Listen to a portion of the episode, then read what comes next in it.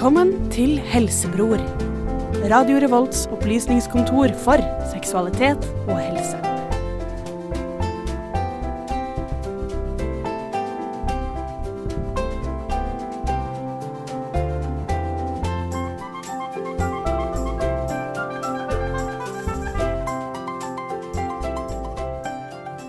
Velkommen til Helsebror, Radio Revolts uh, nye helsemagasin Um, og opplysningskontor for eh, seksualitet. Med meg i studio har jeg Frida Hempel. Hallo, hallo. Eh, du skal være min eh, hjelpepleier i dag. Ja. Mm. Um, I denne sendingen så skal vi snakke om uh, første gang, i og med at det er første sending. Så vi skal snakke om seksuell debut, og vi skal snakke om uh, hvordan det kan være. Og vi skal også få storfint besøk av en som skal fortelle uh, om hvordan det er å utsette sin første gang til den rette. Og du har også vært på Gløshaugen og intervjuet folk om deres første gang. Det skal vi høre eh, om. Og vi skal også eh, lære om ukens sykdom. Og hva er denne i dag? I dag er ukens sykdom meningitt. Og hva det er for noe spennende, det skal du få høre etter hvert. Hva annet kan vi glede oss til? Eh, selvfølgelig har vi lytterspørsmål helt på slutten. mm. For eh, oss eh, som generelt er litt uopplyste, så er dette spalten der man kan sende inn spørsmål om det man lurer på, og skal vi prøve å svare på det som best vi kan. Mm. Og alt dette får du etter låten Papi med Sushi X Kobe featuring kong Mako Makeba her i Helsebror på Radio Revolt. Det begynte som et vors, og vi var en eh, guttegjeng som eh, skulle ut på byen. Det var en Jeg hadde vært kjæreste med ei stund. Nei, jeg hadde en eh, god venninne på ungdomsskolen. Så en gang så eh, foreslo hun at vi skulle se på porno. Eh, jeg var 13 år gammel, og jeg hadde fått min aller første kjæreste. Eh, Jeg hadde avtalt en eh, date eh, sammen med en fyr, så jeg skulle dra hjem til han. Jeg var på en eh, seilbåt med en gjeng med venner. Og eh, en jente i den gjengen som jeg likte. Jeg likte meg òg. Jeg tror jeg var mest sånn bare sånn Oi, nå kan jeg bli kvitt jomfrudommen min.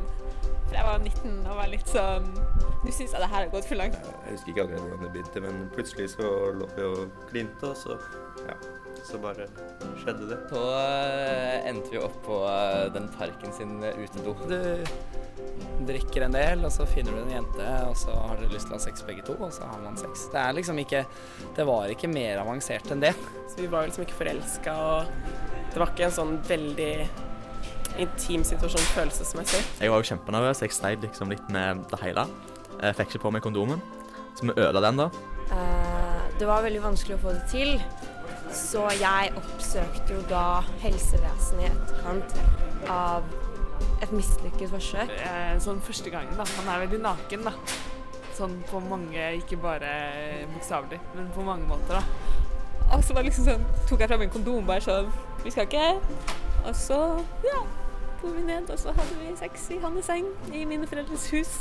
Jeg husker vi eh, brukte kondom, og så var det veldig veldig kaldt at jeg var av på vinteren. Eh, og så la vi den i vinduet, så jeg husker at sæden frøs. Jeg husker veldig godt var det den kondomen hun hadde fått på denne seksualundervisninga. Det var en sånn gul kondom med bananlukt. Det var vel det at han kom veldig tidlig, for at han også hadde aldri hatt sex med noen før.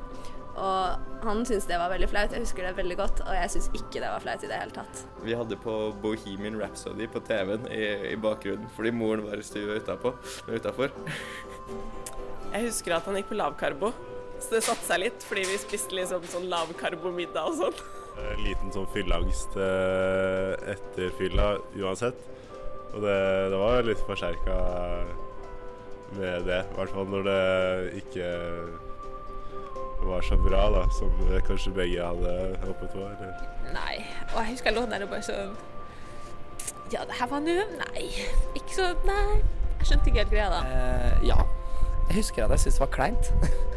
Men heldigvis så kunne jeg liksom, i og med at det var, dette var en hjemmefest, så kunne jeg liksom snike meg litt ut. Og, eller liksom, altså jeg kunne blende inn i massen igjen, da. Det var liksom ikke meg og henne alene hos henne hjemme. Yes. Eh, frokost og hele pakka. Det var kanskje mer hyggelig enn bra sex. Så vi endte med å bare le oss gjennom hele greiene, og så var det liksom litt tullete. Og så var det sånn OK, nå har vi gjort dette. Så neste gang så kan vi ta det seriøst. Mm. Yes. Velkommen tilbake til Helsebror. Vi hørte nettopp uh, de du intervjuet på Gløshaugen, eh, Frida, om deres første gang. Ja.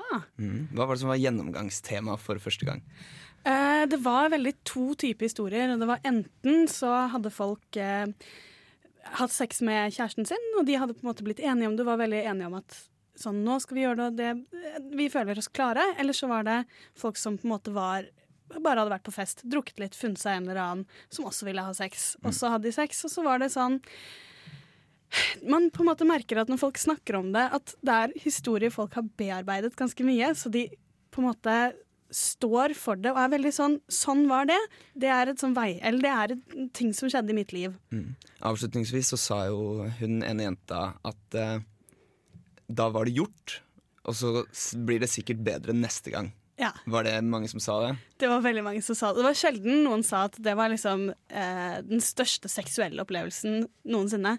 Det var, det var selvfølgelig veldig gjennomgående at de fleste syntes det var kleint og klumsete, og det var mye sånne rare detaljer man husket over, liksom at man klarte å slå til eh, litt i ansiktet, og man ikke på en måte hadde ting på plass. Så det var på en måte mindre seksuelt enn intimt. Ja. Um, for det er jo veldig sånn, det er på en måte to skoler. Det er, det er det å bare få det overstått og bli ferdig med det. Og når det skal være veldig spesielt, og det skal være første gangen med, en, med gjerne en kjæreste og sånne ting. Mm. Um, så var det også mange, eh, spesielt av guttene, som nevnte at de sleit med kondomen. Ja. Det tror jeg også er veldig eh, typisk for, eh, for første gang, spesielt for gutter som kanskje ikke har øvd så mye på egen hånd. At den kan være vanskelig å få på, vanskelig å få ut av pakka osv. Ja, og det, du hører også det at det er veldig mange som har en sånn forventning om at det skal gå smooth. Man har liksom sett at man slenger den andre ned på senga, og at, at Mm. forholdet man har til deg gjennom film og TV og sånn, er veldig at ting skal bare måte- ja, det skal bare skje, og det skal bare gå seg til. Og så sitter man og skal gjøre det selv, og da forteller de fleste om at det er vanskelig, og du vet ikke, hendene dine gjør ikke det du vil at de skal gjøre, og så blir du nervøs, og så ødelegger man mange kondomer, og ja, at det er på en måte klumsete. Mm.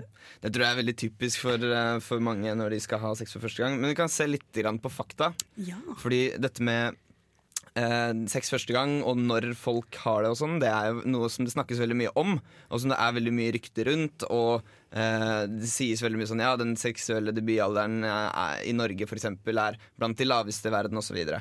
Um, og fakta er, eh, ifølge tallene, så er den gjennomsnittlige seksuelle debutalderen for kvinner i Norge 17,1 år, mens det for gutter er 17,5. Er du overraska over det? Ja. ja, eller man har en litt forventning om at det skal være tidligere. Mm. Fordi de fleste som snakker høyest, eh, er ofte de som hadde sex tidlig. Mm. Så av mine venner, det husker jeg i hvert fall på den alderen, så hadde jeg veldig forhold til at sånn Altså, hvis du er over 15, da er du Da- loser, ass. Ja. Men uh, fordi det som er med disse tallene, er um, Tallene man gjerne refererer til i forhold til seksuell debutalder i Norge, det er tall fra Folkehelseinstituttet, som har utført det som kalles for seksualvanestudien. Um, og den har de gjort hvert femte år siden ehm, en gang på 80-tallet. Men den uh, sist gang de prøvde å holde den, var i 2008. Men da var det faktisk bare under 20% som i det hele tatt svarte på undersøkelsen, av de 10 000 som ble spurt. Så de tallene eh, som blir oftest referert til i media, f.eks., eh, kommer fra seksualvanestudien fra 2002.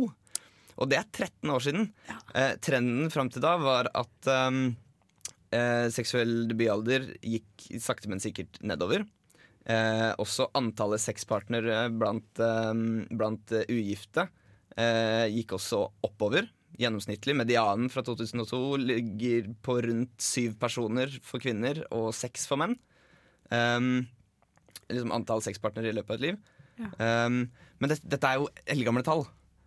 Ja, 13 år siden. Det er, det, er ganske, det er jo nesten en ny generasjon som har kommet med helt annet forhold til sex og helt annet sånn kulturelle måte, normer rundt hva som er greit. Men det er, for det er veldig mye snakk om, om sex, og det er jo på en måte Er det rimelig å anta at de som eh, på en måte Eller det er rimelig å anta at de som snakker mest om sex, er jo de som på en måte blir hørt mest òg. Mm.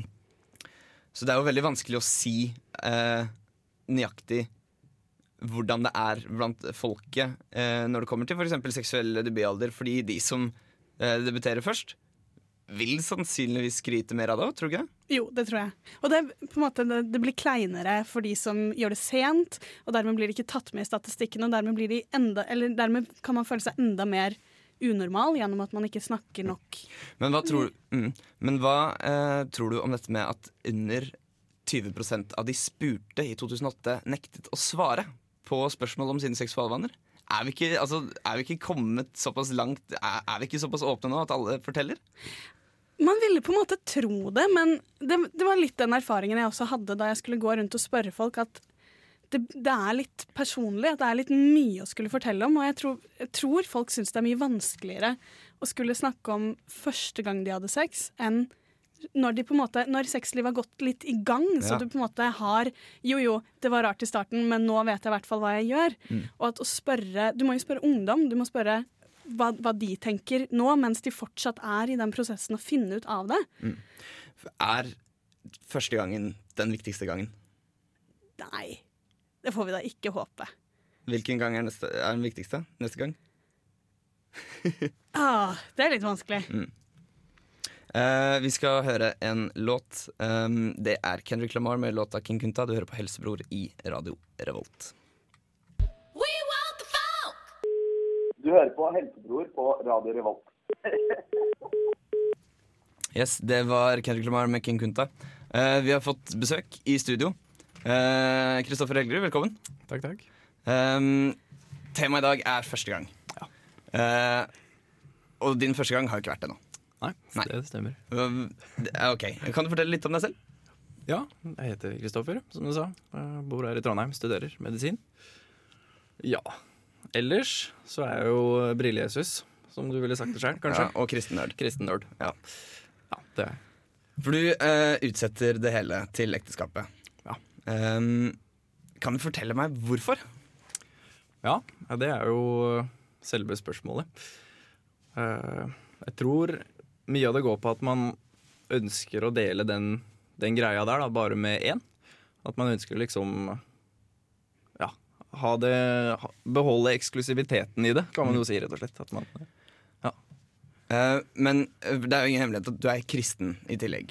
Eh, det er det det går på. Sjokk. Men ville du tatt det her valget hvis du ikke var kristen, tror du? Det tror jeg ikke. Uh, det Så- tror jeg egentlig ikke, fordi ja. Sparer du deg for Jesus, på en måte? Nei, jeg gjør egentlig ikke det. Altså, på mange måter så har det jo ingenting med troa å gjøre heller. Eh, Det høres jo veldig, sikkert veldig rart ut, for det er jo ca. bare kristne som venter til de er gift med å ha sex. Men eh, ja, nei, for meg så gir det, det gir mening da, å, å vente. Men gir det mening fra et personlig perspektiv eller fra et kristent perspektiv? I, i størst grad, da, på en måte. Ja. Eh, nei, jeg vet ikke. Fordeling av det. Det blir, det, selvfølgelig, det blir jo begge deler. Men uh, mye personlig også. At jeg tenker at det er en, en fin ting å, å bare dele med én. At det, det er det jeg ønsker. Uh, fordi eh, grunnen til at dette sikkert er noe som du tenker mye på nå, er jo Mm. at du har fått deg kjæreste som er like kristen som deg. Eh, ja. Mer, kanskje. til. Kanskje til og med mer. Det er, noe, det er ikke noe konkurranse. Det er ikke noe gradering. Hvordan løser dere dette? Og hvordan på en måte Hvordan tar dere opp dette med seksualitet Ja. dere imellom? Jeg tror eh, Det er nettopp det å ta det opp. Det er jo eh, veldig viktig. Man har ikke sjanse hvis ikke man snakker om det, tror Nei. jeg. Eh, og så tror jeg heller ikke man har sjanse hvis ikke begge to er innstilt på det heller. Nei. Eh, ja, jeg tror man må være sammen om det og være enige om det. Mm. Og der er det blitt. Ja, og vi snakker veldig åpent om det. Det tror jeg på en måte er vår styrke. Men hvor langt får dere lov til å gå? Altså, Har dere satt sånn Det er grensen. ja.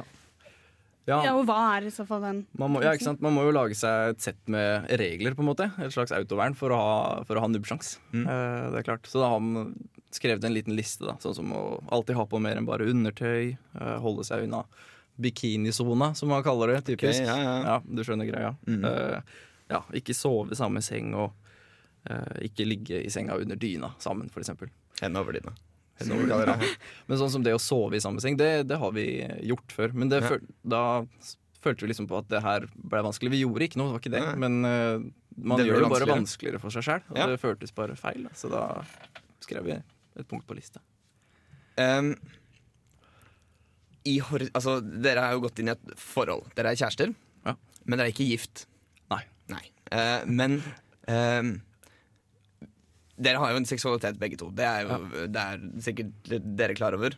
Um, Smertelig klar over det, altså. Klar over det, ikke sant? uh, hva- med liksom horisontene her? Er det vanskelig å være sammen med noen uten å på en måte ha det seksuelle aspektet? I det minste på en måte down the line, da. Hva, down the line? Altså det ikke er aktuelt, eller hva? Nei, um, altså på sikt. Ja. Uh, jeg regner med at dere, dere er ikke forlovet eller noe. Nei. Eh, så det er jo på en måte per akkurat nå så er det en slags no go, på en måte. Ja. Eh, hvordan forholder dere dere til det? At det ikke er lov nå? Eh, nei, vi fokuserer egentlig bare mest på å bli, bli godt kjent på andre områder. Altså, det tror jeg også er en styrke med det og en fordel da, med det å vente. At man, når man ikke bruker så mye tid på det For jeg kan se for meg at det tar mye tid hvis man først eh, kommer i gang. Det kan jo sikkert du mer om enn meg. Um, men da kan man fokusere tiden på andre ting. Da. Uh, ja, bli bedre kjent, rett og slett. Um, jeg er sikker på at uh, du har dine grunner for å gjøre det på den måten. Uh, veldig fine grunner, må jeg si selv. Hva, men hva føler du selv at du tjener på det som konkret? Og kanskje enda mer interessant, hva føler du at du taper på å gjøre det sånn? Jeg kan starte med det jeg føler jeg vinner, da. Mm. Ja, det er jo Hvis man ikke legger så mye fokus på det fysiske, og det er jo veldig lett at man gjør det, men hvis man ikke gjør det, så tror jeg man åpner for å bli bedre kjent og bruke tid på andre områder. Da, og bli skikkelig godt kjent på ja, på andre områder, rett og slett. Mm. Det, Tror du, bare litt, skyte inn et lite spørsmål, tror du eh, andre i eh, forhold som, hvor det er sex, Mm. eh, tror de på en måte at det på en måte kan være en billig utvei noen ganger? Det, det tror jeg nok. Det blir jo typisk av meg å fordømme, fordømme det. Men altså, jeg tror, tror nok at mange også holder forholdet i live rett og slett fordi man har det seksuelle aspektet i det. Da, mens man egentlig kanskje ikke har så mye annet uh, på gang. Hvis du skjønner hva jeg mener? Det gjemmer seg litt bak sexen, på en måte? Ja. At man kan bli uh, Ja, er det noe du tenker når du ser på venner av deg og deres forhold? At noen ganger så ser du sånn Dette her er kanskje mer seksuelt enn et faktisk intimt Altså en intim relasjon? Det er ikke ofte. Det er ikke sånn at jeg går og tenker på det heller. Eh, Det er det ikke, Men jeg vil nok tro at det er tilfellet for en god del. At selv om forholdet skranter kanskje en god stund, da, så holder man det, holder man det gående. Rett og slett fordi man uh, har sexen. Mm. Um, men uh, jo, Nente, hva føler du at du taper? Er, føler du at du har Ja, altså det er jo, jeg har ikke noe mindre, altså vi har jo ikke noe mindre lyst på det enn alle andre. Så det er jo, sånn sett så er det jo tap i, i det at det er kjipt. på en måte Det er jo Frustrerende. Det er frustrerende, Selvfølgelig Mm. er det det. Uh, det blir jo løgn å si noe annet. Så det er jo på en måte et tap. Men Men ellers så føler jeg egentlig ikke at det er så mye tap ved det. Altså man, blir jo, klart, man blir jo ikke kjent på det området før man er gift. Da. Det kan jo kanskje være litt uh, skummelt å ikke vite hvordan man forholder seg til hverandre på det før man er gift, men det tror jeg egentlig går ganske greit. Altså. Jeg ser for meg at det går, går seg til. Føler du noen ganger at det er vanskelig å ta del i sånn kultur med, sammen med vennene dine som har sex nå? Er det noe du føler deg litt ekskludert fra, et sånt fellesskap der? Nei, egentlig ikke. Jeg bare føler det blir mors mye morsomme samtaler om det. Sånn som nå i påska så møtte jeg jo gode kamerater fra, fra hjemplassen. Uh, hvor det her selvfølgelig kom på, kom på banen. Og da blir det jo mer sånn morsom greie man kan snakke om og tulle om. da. Kristoffer, vi skal høre mer fra deg etter en låt. Her kommer Reggae Got Beats med Jealousy her i Helsebror på Radio Revolt.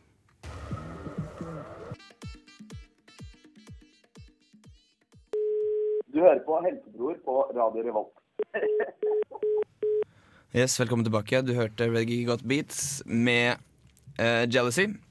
Uh, og du hører på Helsebror her på Radio Revolt. Eh, Radio Volts opplysningskontor for seksualitet og helse. Temaet i dag er første gang, og vi har med oss i studio Kristoffer Helgerud. Du er her fordi du ikke har hatt sex for første gang ennå. Fordi du er kristen og venter. Ja. Kort oppsummert. Kort oppsummert. Ålreit. Um, et spørsmål som jeg lurer litt på. Mhm. Du har jo fått en kjæreste nå osv., men um, tenker du at du kommer til å gifte deg noe tidligere fordi det vil være din eneste mulighet til å ha sex? Mm, ja, det er et veldig godt spørsmål. Eh, og det tror jeg nok en god del gjør også, at de, de rusher ting. Da, med tanke på altså De gifter seg fortere, rett og slett, for å, for å få hatt sex. Eh, jeg håper jo virkelig ikke jeg gjør det sjøl. det føler du blir helt feil grunner til å gifte seg. da. Eh, Man skal jo finne en man har lyst til å dele resten av livet med, ikke bare Tror du- liksom. Tror du det at du ikke har sex, gjør den letingen litt enklere for deg? Fordi du på en måte ikke blir, si, ja, ikke blir på en måte blendet av det seksuelle, da? Eh, ja, det er jo det jeg håper, da. Det er jo litt av målet med det også. At man, eh, som jeg sa tidligere, at man eh, fokuserer på å bli godt kjent på andre områder. Da, og virkelig finner ut om man passer sammen. Eh, og da ikke på det seksuelle, da. Men føler du noen ganger at eh, Jo, hvis du gifter deg, og du finner ut etter kanskje ti år at det var en person du ikke passer sammen med, Mm. eh, og, og dere tar en, ut en skilsmisse, er liksom alt dette arbeidet på en måte bortkastet da? Hvis du da skulle hatt sex med en ny person? Ja. Eh, det er vanskelig å se for meg Det er vanskelig å svare på, for jeg har liksom ikke tenkt, eh, tenkt i de baner ennå. Men det er jo det jeg kan si, at det er jo på en måte målet med det, og med å vente òg, at, man, at man gjør det sånn at man ender opp med å ikke skille seg. At man ender opp med riktig person. Da. Eh, det er egentlig det jeg tenker om det. Men hvis jeg hadde skilt meg Jeg veit ikke, jeg syns det blir vanskelig å svare på. Det er vanskelig å se for seg, egentlig. Eh, men du er jo, del, er jo del av en menighet her i Trondheim. Ja, Salem. Salem, stemmer. Um, hvordan er på en måte dialogen i menigheten rundt dette temaet? Jeg skjønner at i en menighet som, eh, som Salem, eh, så er det mye prekener, og dere tar opp forskjellige eh, temaer i samfunnet, og sikkert mange andre ting også. Ja. Eh, tema sex, hvordan behandles det? I liten grad, eh, vil jeg egentlig si. Det er ikke noe sånn at det, det prekes om eller sånne ting. Det, det blir nok mer hva man snakker med, med venner og, og folk om kanskje etter møtene. Det, det sies ikke så mye om det på møtene. Eh, Det gjør det ikke. Er det dumt, syns du? Ja, på en måte så er det det. Det er jo alltid fint å være åpen om ting. Jeg tror det hadde vært lurt å være mer åpen om det temaet her òg. Fra scenen også, eh, rett og slett. Men eh, jeg tror nok det snakkes en del om det blant folk. da. Det gjør det. Men savner du på en måte en um, Hva skal jeg si En kristen formidler av dette temaet seksualitet? Altså kanskje gå litt eh, utenom Jungelius og uh, liksom den sensasjonsfaktoren? Savner du en eh, Fanebærer. Ja, en fanebærer for liksom Ja, det, men, men det å være kristen og, og seksualitet, da. Altså, Det er ikke noe savn personlig. Eh, Det er det ikke. Men du tenker du burde vært en som var litt mer åpen utad om det her, eller? Nei, jeg lurer på altså, om, om du savner det f.eks. i menigheten. da Nei, egentlig ikke. Uh, nei. nei men, men satser du på, eller tenker du at eh, de andre i menigheten um, på en måte feier for egen dør og tar opp det temaet seg imellom, eller er det eh, For det er lett å se for seg Um, når man snakker om kristne og deres forhold til sex og sånn, at på en måte At temaet blir neglisjert. Det er bare et ikke-tema. Og det syns jo i hvert fall jeg er dumt, som er opptatt av det, da. Ja, At ikke, du er redd for at det ikke snakkes nok om? Ja, eller er, er, det- er det bare en fordom jeg har? At kanskje de Ja, kristne ja, de neglisjerer bare- ok, de- tema? ja, nettopp. tema på De rett og skyver det vekk. og Nei, æsj, det, det, det, det holder vi oss for gode for. Mm. Eh, nei, Eh, jeg tror nok ikke det er sånn, altså. Det, jeg tror eh, skal man klare å gjennomføre og ikke ha sex før man gifter seg, så må man være åpen om det. Altså. Eh, og snakke. Hva tenker du om sånn den amerikanske abstinence-bevegelsen? Er det noe du har Du tenker det er bra ungdomsarbeid, eller tenker du at de gjør det på litt feil Jeg område? har ikke noe forhold til det, men eh, jeg vet ikke. Jeg syns jo folk må gjøre seg opp en mening sjøl. Om du er kristen eller ikke, så må du finne ut uh, hva du vil. Og det virker kanskje litt sånn tilgjort, de bevegelsene, på mange måter. At folk uh, vet ikke, blir mer pressa inn i det. Uh, det er min, mitt syn, eller min, eh, min fordom mot det, da. Men uh, det er klart, hvis man kan stå sammen om det og jeg vet ikke, De har vel på seg ringer og greier. Jeg har ikke helt uh, satt meg inn i det, men det er en sånn purity ring, er det ikke det? Du har ikke vurdert å ta, få deg en purity ring? Nei, jeg har ikke det. Men fordi dette er ikke noe du har lyst til å gjøre til på en måte en fanesak for deg selv. Nei, altså, det, er ikke sånn jeg, det er ikke sånn jeg snakker om eh, med veldig mange, så det er jo litt absurd at jeg er her på radio kanskje og snakker om det. Men de du, de du snakker eh, om det med, hvordan reagerer de? Eller hva sier de? Ja, det, det starter jo da som regel med at folk spør. Da. Det er jo sjelden, altså, jeg tar det ikke opp selv, på en måte. Jeg har ikke noe sånn stort behov for det. Men eh, den erfaringen jeg har, med, jeg har med det, er at de sier at det er eh, jeg vet, jeg vet ikke om de mener det, men de sier ofte at ja, det er sykt respekt. Og jeg syns det, er- syns det er kult at du, at du skal gjøre det. Men uh, hva de egentlig mener, det, det veit jeg ikke. Vet Hva- ikke. Hva tenker du? Altså, jeg, eh, jeg syns jo det står veldig respekt av det du gjør. Um, ikke nødvendigvis uh, fordi du ikke har sex, men uh, måten du legger det fram på, og måten du begrunner det. Det, Mm. jo, det setter jeg veldig stor pris på, og det er jo også grunnen til at vi ville ha deg med her i studio i dag, for eksempel. Nei, men jeg tror folk syns, øh, syns det er øh, greit. Jeg tror de har litt vanskelig for å øh, forstå det ofte, og kanskje se poenget med det. Uh, men sånn, jeg opplever ikke noe sånn at folk syns jeg er en teit fyr, egentlig. Selv om jeg står for det. Merker du, Er det noen ganger folk skygger litt unna? At de syns det er skummelt å snakke med deg om det og på en måte være ærlig om hva de tenker rundt seksualitet? Når du, fordi man kanskje lett tenker at ah, bibelfreak. Ja. Nei, jeg føler folk ikke er redd for å snakke om det, men de er veldig redd for å tråkke meg på tæra øh, når de skal snakke om det. Det er klart. Det, ja, Folk er liksom veldig redd for å si noe feil, da, eller uh, ja, fornærme meg på noe vis. Men jeg syns det bare er veldig gøy å snakke om. Og tulle med det, ikke minst. Så det syns jeg bare er gøy når folk er åpne. Altså. Og du føler, men føler du dine venner i det kristne miljøet, eksempel, tror du at de er like åpne om det? Eller er det Seg imellom, eller Nei, si ut, utad, for eksempel. Da. Eh, jeg vet ikke, jeg ser for meg folk kanskje er litt som, litt som meg. Vi kanskje snakker ikke så mye om det. Eller er ikke sånn at vi presser på folk våre meninger eh, om det. Noen gjør sikkert det, men jeg tror de er åpne for å snakke om det hvis de blir spurt. Eh, det har vært kjempefint å ha deg i studio for å snakke om eh, sex. Gleder du deg til første gang? Absolutt. Det tror jeg på. Vi skal høre uh, Major Lazer og DJ Snake featuring Mø med låta Lean On. Tusen takk til deg, Kristoffer. Takk for at du fikk komme. Uh, du hører på Helsebror på Radio Revolt. Kommer tilbake til Helsebror på Radio Revolt. Vi har hatt besøk av Kristoffer Helgerud, som har snakket om hvordan det er å vente med sex til ekteskap. Vi skal videre i programmet uh, til eh, en ny fast spalte. Og den heter Ukens sykdom. Og jeg har laget en liten jingle, og den skal vi høre nå. Klør og svir og det er jo rødt. Kom, eller kommer på en måte når jeg vrir på den. Lukter rart noe jeg spiste. Det er bare når jeg ler. Eller bare når jeg puster. Jeg vet ikke. Jeg driver og klør. En slags dyr. Hoster. Svir. Eller på en måte svir, eller sånn kvalm på en måte på huden. Ukens sykdom. Yes, det var ringen til ukens sykdom. Um, hva er ukens sykdom i dag, Frida? Meningitt. Meningitt. Uh, vi beholdt deg litt i studio, Kristoffer. Ja. Fordi uh, i tillegg til å være kristen, uh, abstinent og generelt hyggelig fyr, så er du også medisinstudent. Ja, det stemmer. Nå er jeg her i kraft av å være ikke kristen uh, Leif, men uh, medisinstudent. Ja. Mm, hva er meningitt? Meningitt det er en uh, betennelse som sitter i uh, noen hinner som ligger rundt hjernen, som er der for å beskytte hjernen, blant annet. Ja. Eh, og meningitt det skyldes eh, som oftest en eh, bakterieinfeksjon. eh, av noen bakterier som kalles for meningokokker. Eh, og de eh, smitter gjerne via type bytte av spytt, dele flasker, klining osv. Um, og det som er um, at uh, meningitt, eller som det vanligvis kalles, hjernehinnebetennelse, um, det er det noen få som dør av hvert år. Uh, I fjor tror jeg det var 17. Um, og de aller fleste av dem er uh, russ. OK. Ja, fordi, ja, jeg husker faktisk det fra min russetid, at det var eh, noe opplysning om at hjernebetennelse dreper folk. Jeg husker ikke hva de sa.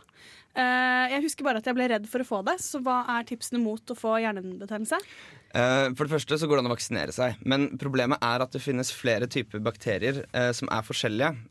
Som, noen av dem kan man vaksinere seg mot, mens andre finnes det ingen god vaksine mot ennå. Men det blir tilbudt til alle som er russ, skal i hvert fall bli tilbudt muligheten for å ta den vaksinen før russetiden. Eh, min mor var veldig bestemt på at jeg skulle gjøre det. Eh, det som er skummelt med hjernehinnebetennelse, spesielt hvis man er i en sånn type risikogruppe, og det kan være hvis du er russ, men også hvis du er student og er eh, ute og drikker mye, er mye ute og fester, så kan det være vanskelig å vite om du har det. Symptomene på meningitt eller hjernehinnebetennelse er nemlig høy feber, f.eks. Eh, medtatt allmenntilstand. Eh, og det, det, det er jo Alle russ, med andre ord. Ja. Um, og det er også uh, stiv nakke. Og så kan det også være utslett. Uh, og nedsatt bevissthet. Men det her, det her det Nedsatt bevissthet? Nedsatt bevissthet, og du er sløv, rett og slett. Okay. Men det her minner jo om influensa. eller også fyllesyke, kan minne om. Og det er det som er så skummelt, fordi um, for eksempel hvis du har vært ute i flere dager i strekk, du har dansa mye, du har drukket mye, du har medtatt allmenntilstand, du har eh, stiv nakke, det kan jeg være litt, på, altså, for eksempel. Uh, og det som er skummelt, er kan, at det er, kan være vanskelig å vite om det er hjernehinnebetennelse. Og det er derfor det er viktig å være obs. En av de sikreste uh, symptomene på at du har uh, hjernehinnebetennelse, og det, et av de sikreste tegnene, er disse utslettene som du får. Ja. Disse petekkiene, som vi kaller det på Mm. fagspråket. Ja. Hvis du har utslett og mistenker at det er hjernehinnebetennelse, hva gjør du? Da er det jo et veldig klassisk tips er å ta et glass, for eksempel, og, og presse mot uh, disse, disse småblødningene i huden. Da, og så se om de forsvinner ved trykk. Uh, for det vil disse betekkene som du får da, med en meningitt, det vil de ikke gjøre. Det vil de ikke gjøre, Så de vil bli der. Så det er et veldig fint tips, da. Mm. Eh, hvis du skulle mistenke at du har meningitt, så bør du gå til eh, legen, og du vil bli sendt på sykehus. Og det de gjør da, er at de undersøker eh, væsken rundt ryggmargen og blodet ditt, og eh, sjekker det for, eh, for bakterier. Hvor farlig er det hvis du blir påvist? Ja, Hva er prognosen ved meningitt? Eh, der har jeg ikke noe tall, altså. Det har jeg ikke. Men eh, vi tror at hvis du er tidlig ute med behandling, så, eh, så går det som regel bra. Mm. De aller fleste tilfeller av meningitt, hvis du kommer deg tidlig til legen, så er det eh, lett å behandle med antibiotika. Eh, mens det kan være veldig farlig, og det kan utvikle seg veldig veldig fort. Så Spesielt for eksempel i sånne russesituasjoner så er det viktig å være obs på Er jeg fyllesyk, eller kan jeg ha eh, meningitt. For det som gjør dette her så farlig, er nettopp det at de fleste går ubehandlet og tror at de er litt smådårlige. Mm. Er det, noe, er det noe jeg som eh, ikke er her i kraft av å være medisinstudent, men er her litt i kraft av å være hypokonder, er dette noe jeg burde gå rundt og være redd for? Eh, det er ikke akkurat nå. Det er, nei, det er, det er fortsatt veldig få som får meningitt i Norge i løpet av et år. Ok. Mm. Men hvis du er mye ute blant folk, deler mye flasker, kliner med mye folk, og du føler deg dårlig, har stiv nakke eh, og får utslett, da burde du sjekke deg for meningitt. Vi skal høre låta 'Det det jeg gjør' med Lars Vaular her i Helsebror, Opplysningskontoret for seksualitet og helse, på radio Revolt. Eh, hvor langt inn i øret kan jeg putte en q-tip? Hvorfor lukter stemmen min sånn? Eh, Flatlus, hvordan ser de ut egentlig? For lukter lukten mye lysere bedre enn andre ting. Eh, hvorfor er den ene foten min lenger enn den andre? Helsebrors spørrespalte. Yes. Velkommen til spørrespalten, der hvor du kan sende inn eh, spørsmål til oss som vi skal prøve å besvare.